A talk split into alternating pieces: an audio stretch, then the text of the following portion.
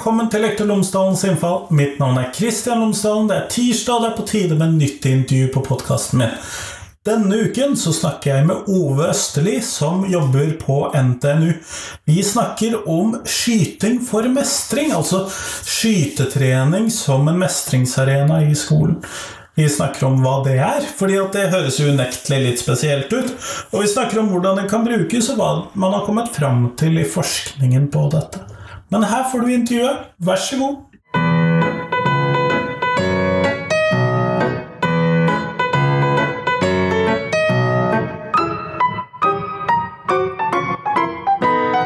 Ove Østli, tusen takk for at du har tatt deg tid til meg i dag. Jo, selv takk for uh, invitasjonen. Før vi starter selve intervjuet, så lurte jeg på om du kunne fortelle lytterne mine tre ting om deg selv, sånn at de kan bli litt bedre kjent med deg. Ja, jeg er Lærer. Jeg har vært lærer i en god del år. Eh, da allmennlærer, så jeg har undervist i de fleste fag, både barneskole, ungdomsskole videregående. Eh, og nå da i høyere utdanning. Eh, og Der jobber jeg spesielt med kroppsøving og mye opp mot det digitale. Og så er jeg, er jeg trønder, men jeg har òg sterke tilknytninger til Spania. Har jobba som lærer eh, der eh, i en del år. Og har fortsatt god, god kontakt med, med, lærerutdanning og ulike institusjoner i Spania. Da. Nettopp, nettopp. Nei, men Kjempeflott. Eh, du holder på med et prosjekt som heter Skyting for mestring. Kunne du ha fortalt lytterne mine hva det er for noe? Ja, Skyting for mestring det er et et eh, tilbud, et tiltak ved Der vi var kobla på det, var i Rennebu kommune. Eh, mellom Trondheim og Oppdal.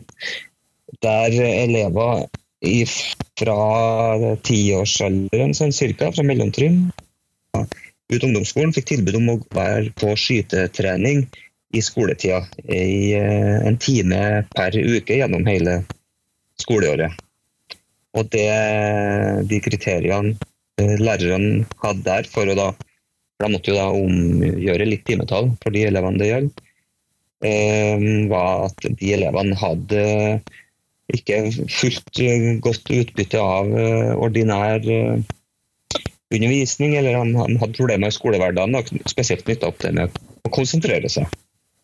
Og så frem til at de elevene jeg tenkte ha noe utbytte av å få en bedre konsentrasjon i forhold til læringsutbytte. Så var det da i samarbeid med PP-tjenesten og, og, foresatte, så ble da elevene tilbudt å være på Og det, det da ble døpt skyting for mestring, for det er jo da eh, det med mestring som er et av kjernepunktene i eh, prosjektet knytta opp imot uh, ulike ting. Da. Uh, og prosjektet er inspirert av et uh, dansk prosjekt som heter For Fokus. I Danmark så har man jo en litt annen skolestruktur enn i Norge. Det er jo større utbedring av spesialskoler og spesialklasser. Så, ja, det har vi jo litt sluttet med i Norge. Ja, man har på en måte gått litt bort ifra det i Norge, men det er noe som er ganske utprega i Danmark, der du Får du f.eks. diagnosen ADHD, så blir du tatt ut av, eh, av klassen din og satt i en, en spesialklasse. Da. Gjerne på samme skole, men de, de grupperer da elever med, med mer eller mindre like utfordringer. Og Da har da de elevene som klasse tilbud om å dra på skytetrening. Og Det har de så gode erfaringer med i Danmark at det har blitt et kommunalt tilbud eh, nå. da. De holdt på siden 2012. Så Det var eh, inspirasjonen for at de starta det her i eh, Rennebu. Og så var det òg for å få De ville gjerne at noen skulle forske på det. Og se og, og prøve å tallfeste og få noe mer konkret på den magefølelsen de hadde på at det her var veldig bra for uh, de elevene som var med på det. De hadde gode erfaringer, men i, når du skal argumentere for både frikjøp av tid og du skal argumentere økonomisk opp mot skoleeier og politikere, så slår det, det litt bedre, det slår litt mer i bordet når man kunne hatt en forskningsrapport for på det. Ja, jeg ville jo tro at eh, det er en litt sånn, eh, hva skal vi kalle det, en bøyg å skulle argumentere for politikerne at vi trenger å gi elevene skytevåpen i skoletiden. Ja, ikke sant. Det, det, på, på, noen måter så er det litt sånn kontroversielt og litt eh, Det er jo ikke spesielt tiltak kan være. og, og Vi har jo møtt i etterkant at vi hadde forskningsprosjektet, og når vi har introdusert det for andre kommuner, så har vi jo møtt i noen miljøer ganske sånn stor skepsis til det. Da, der de kanskje ser en uheldig kobling mellom urolige elever og skytevåpen. Men eh, det er jo noe de fokuserer veldig på når de er på skytetrening. og Det er jo ikke lærerne som er der og har skytetreninga med dem. Lærerne er med for å på en måte ta del i de mestringsopplevelsene, for å da kunne overføre det og, og relatere til det når de er tilbake på skolen. Det er jo utdanna profesjonelle skytterinstruktører og på skytteranlegg som, som uh, det her foregår på. og Det er et veldig fokus på det med sikkerhet helt fra starten av. og, og Det viser jo seg også at mange av de her elevene, uh, som uh, enten de har diagnoser eller ikke, responderer jo veldig godt på de faste rammene og de tydelige eh, grenseoppgangene på hva som er ålreit og ikke ålreit. Eh, det er faktisk noe de responderer veldig godt på. Altså, de har jo aldri opplevd noe som helst problematikk rundt eh, det med å ta med disse elevene på skytetrening. Da. Så det er en, en skepsis eh, grunnet i eh, synsing og forutinntatte som ikke har noen, noen rot i virkeligheten. Da. Men Hvor mange elever er det som har vært igjennom dette på Rennebu? Eller Berkåk? Det begynner nok å bli en del elever. Vi var jo kobla på det her eh, på denne gruppa over en periode på to år, der vi forberedte prosjektet. og Så fulgte vi da en gruppe elever gjennom et helt skoleår. Eh, og fikk da forska på hva det gjorde med dem å delta. Og Nå kunne jo ikke vi følge alle, for noen elever hadde jo vært med over flere år. Og vi på en måte kunne bare følge de elevene som starta det året. da. Ja, for at dere skulle kunne ha en før-situasjon og Ja, vi var avhengig av å kunne ha eh, sånn post- og, post så, sånn at vi kunne med sikkerhet si at det var skytetreninga som, som var forklaringa på, på de funnene vi hadde. Så jeg er litt usikker på, Vi fulgte jo da tolv elever gjennom det året, men det var jo noen flere som var med det året, og de har jo holdt på da eh, siden 2014 eller 2015, så de har jo hatt gjennom en del elever. Det har de jo hatt. Og nå er det jo ja, nå er det flere, flere, og flere kommuner som på en måte starter opp eh, mer eller mindre lignende tilbud. da. Er det. Men hva var det dere fant i, denne, i dette forskningsarbeidet? Vi, vi, vi gikk jo forholdsvis bredt ut og, og laga oss flere problemstillinger og hypoteser. Og, og de to uh, hovedproblemene var knytta opp mot det, det, som man kan kalle kjernesymptomer knytta til diagnosen ADHD, og sekundærsymptomer. Så det gikk på det med konsentrasjonsevne, eh, evne til impulskontroll, oppmerksomhet, og så litt over på det ja, om man kan si sosiale ferdigheter, det med livskvalitet. Eh, så kikka vi spesielt på det med mestringsforventning. Eh, teori, da, eh, grunna i Pandura. Som vi hadde antakelser om at det her det kom til å ha stor effekt på. Da. Og så ønska vi å se om det kunne ha noe å si for, for skoleresultat. Eh, men det med skoleprestasjoner og resultat på skolen er forholdsvis vanskelig å måle. Altså det er kanskje da typisk en karakter eh, på ungdomsskolen. er så sammensatt av så mange ting at det var på en måte ikke der vi fikk noen store funn. Og så har vi jo en, en hypotese om at det tar tid da, å, å kunne måte, overføre de positive effektene man har lokalt på skytebanen, og på en måte overføre det i en sånn skolesetting. da. Men der har vi hatt en masterstudent hos oss som har fulgt opp noen av de elevene som vi fulgte, i da et litt lengre perspektiv, og ser at lengre deltakelse forsterker de gode effektene, da, både på det med eh, opplevd mestring, men det og, og andre ting innenfor det med konsentrasjon og, og impulsivitet og sånt. Da. Og Det var vel spesielt der vi så kanskje de største forskjellene. Eh, Kanskje ikke på selve hyperaktiviteten og den uroligheten og den forstyrrbarheten de elevene hadde eh, i skolehverdagen, men vi så Vi fant at de, de fikk lært seg teknikker for å kunne eh, roe seg ned mye raskere enn det de kunne fra før. Ja, For de må jo være rolige for å kunne gjøre gode skudd?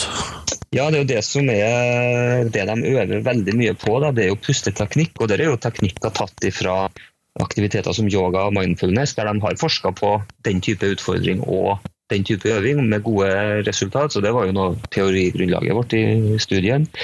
Men det er jo dere pusteteknikkene og den, mm, teknikkene for å klare å roe ned kroppen. For du er jo helt avhengig av å, å, å ligge helt rolig og, og, kontrollere pusten din helt. Og, og, være veldig fokusert for å kunne holde våpenet helt i ro for da å, å treffe blinken. Det var jo det de lå og øvde på én til én. Så de hadde én instruktør som lå ved siden av og, og hele tida veileda og ga råd og tilbakemeldinger på hvordan det gikk. Og så er det jo sånn i moderne skytesport i dag at man har elektroniske skiver, sånn at du får umiddelbart svar på eh, om du da eh, lyktes eller ikke med det du prøvde på. da. Og så er det repetitivt. Altså, de fikk mange øvinger hver uke når de var på den eh, skytebanen. Og de opplevde jo da å bli mye bedre til å skyte, for uh, de her elevene var jo elever som ikke hadde gått uh, på skytetrening uh, før. Så det var jo på en måte noe nytt for dem. Og vi så jo det, at de klarte å få en mye bedre kontroll over sin impulsivitet, både i skolegården og på skolen. Og, og mange av de her elevene forklarte det som veldig sterke opplevelser, og på en måte endelig ha noe verktøy for å kunne kontrollere sin egen kropp. For de sa jo da i intervjuet at det er jo på en måte en det med å ha en diagnose og, og, og, ha problemer med å konsentrere seg og problemer med å holde og, og kontrollere sin egen kropp, da, det oppleves jo som sårt for mange. For det er jo ikke utgangspunktet noe de ønsker. Å være urolig og bli veldig sint og ikke klare å roe seg ned. Og da lærte de, og de klarte å sette ord på det, at det var gjennom denne typen trening at de klarte å lære seg det her, og det kunne de da overføre og ta med seg ut, ut av skytebanen. Da. Og det var jo et, et bra funn, det med å kunne kontrollere impulsene sine litt bedre. Ja, og det ser jeg. Eh, fordi at det krever jo ganske mye av dem, og det er jo kanskje ting som de ikke har øvd så veldig mye på tidligere, i hvert fall ikke sånn hva skal vi kalle det, organisert? Nei, det er jo ikke det, og det er jo ikke noe de på en måte har hatt en anledning til å øve på over tid. Og med den tette oppfølginga de har da, gjennom Skyting for mestring, der som sagt når de var inne i skytebanen, så lå de eh, ved siden av en eh, instruktør, og de instruktørene var ofte det vi kalte seniorer. Da. Det var pensjonerte folk i bygda som var, hadde vært aktive, og var kanskje aktive skyttere, og da hadde fått en, en skolering i eh, å være instruktør eh, for ungdommer. Og Det har vist seg å være en sånn suksessfaktor, da, den aldersforskjellen. Det er klart det, det var kanskje en typisk sånn bestemor- eller bestefarstype som på en måte utstråler en litt annen ro enn eh, enn en folk som er tettere i alder. Da. Eh, som kanskje de lærerne de hadde til daglig var. Da. Så det, det er òg noe som gjør at det med skytesporten er spesiell, at du har den alderssammensetningen eh, i, i, samme aktivitet. da. Mm. Og det at dette er da mennesker som også er utenfra, at det ikke er de vanlige lærerne, kan jo kanskje også være en positiv faktor hvis det har skåret seg litt med skolen, tenker jeg. Ja, jeg, jeg tror det, altså. Og elevene var flinke til å sette ord på at de, de satte pris på at for Instruktørene var jo der på frivillig basis på dagtid, hadde på en måte tatt seg fri av daglig virke, og det var jo noe elevene setter pris på. Her er det nok noen som tar seg tid til å være sammen med meg og bare sammen med meg og, og vil hjelpe meg. og Det, det syns de var veldig positivt. I tillegg som du sier til at det var litt godt å liksom starte litt på scratch og ikke ha eh, altså Legge grunnlag for å ha gode, positive opplevelser var lettere da kanskje sammen med noen utenfra enn enn dem de var sammen med til vanlig på, på skolen. For de forklarte jo mye av de opplevelsene på skytebanen veldig til, i, kontrast til det de opplevde i en skolehverdag. der Når vi snakker om mestringsforventning, da det med gjentatte opplevde mestringer er jo med på å bygge opp mestringsforventninger, men gjentatt opplevd at du ikke mestrer, er jo med på å bygge den ned. så de, Det var veldig sånn kontrastfylte opplevelser for mange av de her som kanskje av uh, skole og, og det offentlige blir, blir, sett på som mer utfordring og problem enn en ressurser. Da. Ja, og det eh, må jo ha vært godt for disse elevene å være på en arena hvor de, eh, hvor de kanskje da lykkes bedre eller mer, eller på en annen måte enn det de gjør på skolen? Ja, og det var de helt klare på, elevene eh, i, i alle intervju. Vi hadde intervjua dem både før og, og etter eh, prosjektet, og vi observerte jo dem både på, i skolesammenheng og på skytebanen. og når vi spurte dem i forkant, så var det jo ikke alle som, som var noe positive til deltakelse. De så ikke verken behov, eller de så ikke at den aktiviteten var noe de hadde lyst til å, å holde på med. Da. Men vi spurte det samme spørsmålet på våren etter de var ferdige, og da ville jo de fikk ta valget. Hvis, altså, du, hvis, du, fikk lov å fortsette å være med på skyting for mestring, ville du da fortsette med det? Så svarte jo samtlige ja til det. Altså de, de knytta veldig positive, positive, opplevelser til deltakelsen på skytetreninga. Og det, det, er jo heller ikke mange aktiviteter du finner som på en måte favner såpass bredt. Både gutter og jenter, og de var i ulike aldre. De hadde jo alle ulike interesser og, og styrker og svakheter. men akkurat det skytetreninga var noe som traff, uh, traff dem alle, om en skal si det. da. Nettopp, nettopp. Uh, og det lover jo godt, men vet vi sånn hvordan dette her eh, fungerte i forhold til trivselen deres på skolen i det vanlige? Uh, Over tid, kanskje? Jeg vet ikke om denne masterstudenten så på det også? Det vi så det, på den måten vi målte i forhold til det med livskvalitet og trivsel og venner og sånn, så så var ikke det noen stor utfordring for denne gruppen, altså de her elevene som gruppe. Så på alle de, på de testene vi kjørte da, med de spørreskjemaene og gjennom de intervjuene, så skåra de ganske godt innenfor normalen i forhold til det sosiale og i forhold til trivsel og i forhold til livskvalitet. Eh, så det var ikke der utfordringa lå, og da så vi heller ikke Det lå i forhold til det å mestre skolen? Det var konsentrasjon på skolen, mestre på skolen, eh, som var deres eh, store utfordringer liksom i det sosiale liv. I friminutt eh, og, og, utenfor var det, var det ikke noen sånne store utfordringer. Men det er klart, de opplevde det med atferden sin knytta opp mot impulskontroll. Opplevde de jo å, å, få en bedring på det, vet man jo.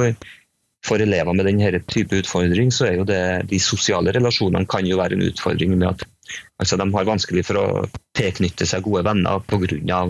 kanskje utagerende atferd eller oppførsel. Men akkurat den elevgruppa vi så på oss som gruppe, så var, så var ikke det den store utfordringen. da. Nei, Det er jo bra sånn sett for, for, den gruppen, men det hadde jo vært interessant også å kunne sett på det. Eh, men vet vi noe hvordan disse prosjektene, kanskje også i Danmark hvor de har holdt på litt lenger, men Eh, hvordan det fungerer i forhold til frafallsprosent og sjansen for at de blir i skolesystemet og den type ting, eller eh, vet man litt lite der foreløpig? Uh, man vet ikke så veldig mye om det foreløpig der heller, men vi har jo hatt et godt samarbeid med, med det prosjektet som heter Fokus. For der, samtidig som vi starta vårt prosjekt, så starta ei som heter Anne Grete Monsen på Universitetet i Odense starta sin doktorgrad akkurat på samme prosjekt, men i Danmark. da. Og Hun eh, disputerer nå til høsten, så, og hun har rukket så vidt å, å begynt å få publisert noe resultat. og Det vi ser er at vi har veldig sammenfallende eh, funn med det vi fant, det, med det hun finner i Danmark. Da, som, det er klart Hun har et, et atskillig større utvalg og, og, og, brukt litt mer tid på det og fulgt dem over tid. Da. Men i forhold til frafall i eh, i skolen oppover, så er det på en måte ikke gjort noe forskning ennå. Men man vet jo det at uh, frafall i skolen er jo, uh, det er jo visse elevtyper og elevgrupper som kanskje er overrepresentert uh, i forhold til det med frafall. Da. Vi, ja, ja, det er det jo, og derfor tenker jeg jo at det måtte være en viktig faktor, da. Ja. Og vi har jo nå i forhold til videre forskning søkt eh, midler eh, via eh, For å prøve å få finansiert eh, et større prosjekt da, der vi ønsker å ansette et par doktorgradsstipendiater og kanskje en postdok-stil. Kjøre eh, litt samme type forskning, men på større utvalg over lengre tid. Da, da, da kan man jo ta, ta inn igjen eh, de elevene vi fulgte på ungdomsskolen, som nå er over i videregående, og, og, på en måte se hvordan det har gått med dem videre. Da. Ja, eh, men sånn i forhold til ressurser og sånn, eh, det høres jo ut som det er et relativt kostbart prosjekt. Eh, for hvis man skulle innføre dette i en kommune som ikke hadde dette fra før av, da? Ja, nå er det frivillige skyttervesen, DFS, har jo vært en del av finansieringa av det forskningsprosjektet her, sammen med Gjensidigestiftelsen. Men det var på en måte for frikjøp av ti av oss ansatte her på universitetet. Men fordi jeg tenker på om det her er mulig, noe man muligens kan prøve ut, så har jo vi anbefalt at de tar kontakt med DFF og ungdomskontakten der som heter for Ola Herje. Fordi DFS er veldig opptatt av å bistå kommuner som ønsker å starte opp noe lignende. og Da Eh, kan de være med og legge til rette i forhold til kontakt med lokal skytterforening. Eh, og De har også vært med flere, på flere plasser og, og bidratt økonomisk da, med, med ammunisjon f.eks. Og, og utlån av utstyr og sånt. Da. Så eh, kostnaden eh, trenger ikke å være knytta eller å bli så veldig stor. Da. Og I alle norske kommuner er det jo en skytterforening. Og og alle de skytterforeningene har jo noen arenaer de driver eh, skyttertrening på. Så det er jo store muligheter for mange da, eh, skoler å kunne få til et sånt, eh, i alle fall hvis et skyteanlegg eller skytebane i nærheten av skolen, sånn at man ikke bruker så mye mer tid enn nødvendig da, på transport f.eks. Ja, det er jo en viktig faktor. Er det noe annet du ville råde i kommuner som ville teste ut et sånt prosjekt til? Noen andre ting som vi ikke har nevnt da? Jeg vil si det at uh, vår motivasjon når vi tok på oss dette oppdraget, er jo, det er jo ikke um, bare for å kritisere hvordan man behandler, hvordan man møter den type utfordringer i skolen i dag. Men uh, vi har jo som samfunn og som skole så har man litt for få på en måte verktøy å, ta i bruk i møte med de her elevene. og Ofte går jo veien om diagnostisering og medisinering. Og, men vi ønsker jo på en måte å, å, å utforske om det finnes det andre veier å gå. Da. For altså, spesielt det med ADHD, da, det er jo en, en definisjon på det og er jo knytta opp mot noe biologisk og mot noe kroppslig, og mot noe som ikke fungerer helt bra. Men det er jo først og fremst i møte med samfunnet at problemene oppstår enten sent i barnehage eller tidlig i skolen. Det er jo ikke nødvendigvis eh, at de har så store problemer med seg sjøl. Eh, men så individualiseres jo ofte tiltakene gjennom medisinering f.eks. Og så er kanskje ikke skolen vært eh, villig nok til å tilpasse seg eleven. da. For vi vet jo Fra 2004 til 2014 så økte jo andelen av barn i skolealder som starta med medisin, eh, medisinering for ADHD med nesten 200% Og Det er jo en drastisk utvikling på bare ti år. Og Det er jo ikke knytta opp imot at uh, elevmassen har forandra seg så mye sånn biologisk sett. Det er jo da kanskje det normalitetsbegrepet i skolen som har snevra seg inn uh, gjennom K06 uh, f.eks., som gjør at, at, flere og flere barn blir diagnostisert og, og satt på medisin. Men vi vil jo påpeke at vi, vi har ikke gjort denne studien for å gi eh, familier dårlig samvittighet for å medisinere barn. For mange barn har gode, altså de har god effekt av å bruke medisin, men for eh, vi, man vet jo òg litt lite om, om, langtidsvirkningene av sånn type medisinering. Og, og mange barn kan kanskje òg ha nytte av andre tiltak, da, kanskje i kombinasjon, med medisin, men og kanskje da, uten medisinering. At, det, at, man finner på en måte andre løsninger av dem, og skolen øh, stiller opp. og bruker det rommet man har. Man kan jo omdisponere inntil 15% av timetallet i fag. Og, og, se at for en periode så kan det kanskje være eh, viktigere ting, og, og at denne typen elever har eh, behov for å øve og trene på da, enn, enn å være med på alt i alle skolefag. Da. Det høres bra ut, Ove. Men før vi, eller det vil si, nå går vi mot slutten av podkastintervjuet, og da har jeg et siste spørsmål som jeg stiller til de som eh, er med på podkasten min. Og det er hvis noe skal ut av skolen, hvis du får lov til å velge én ting som skal ut av skolehverdagen eh, i norsk, enten grunnskole eller videregående skole, hva ville du tatt ut? Eh, internasjonale testverktøy, sånn som PISA, TIMS og sånn sammenligningsverktøy som det. Jeg tror ikke du ville være alene om det. Nei. Nei, men det... Kjempeflott. Tusen takk for at du ble med i dag. Jo, takk for det. Det var hyggelig, det.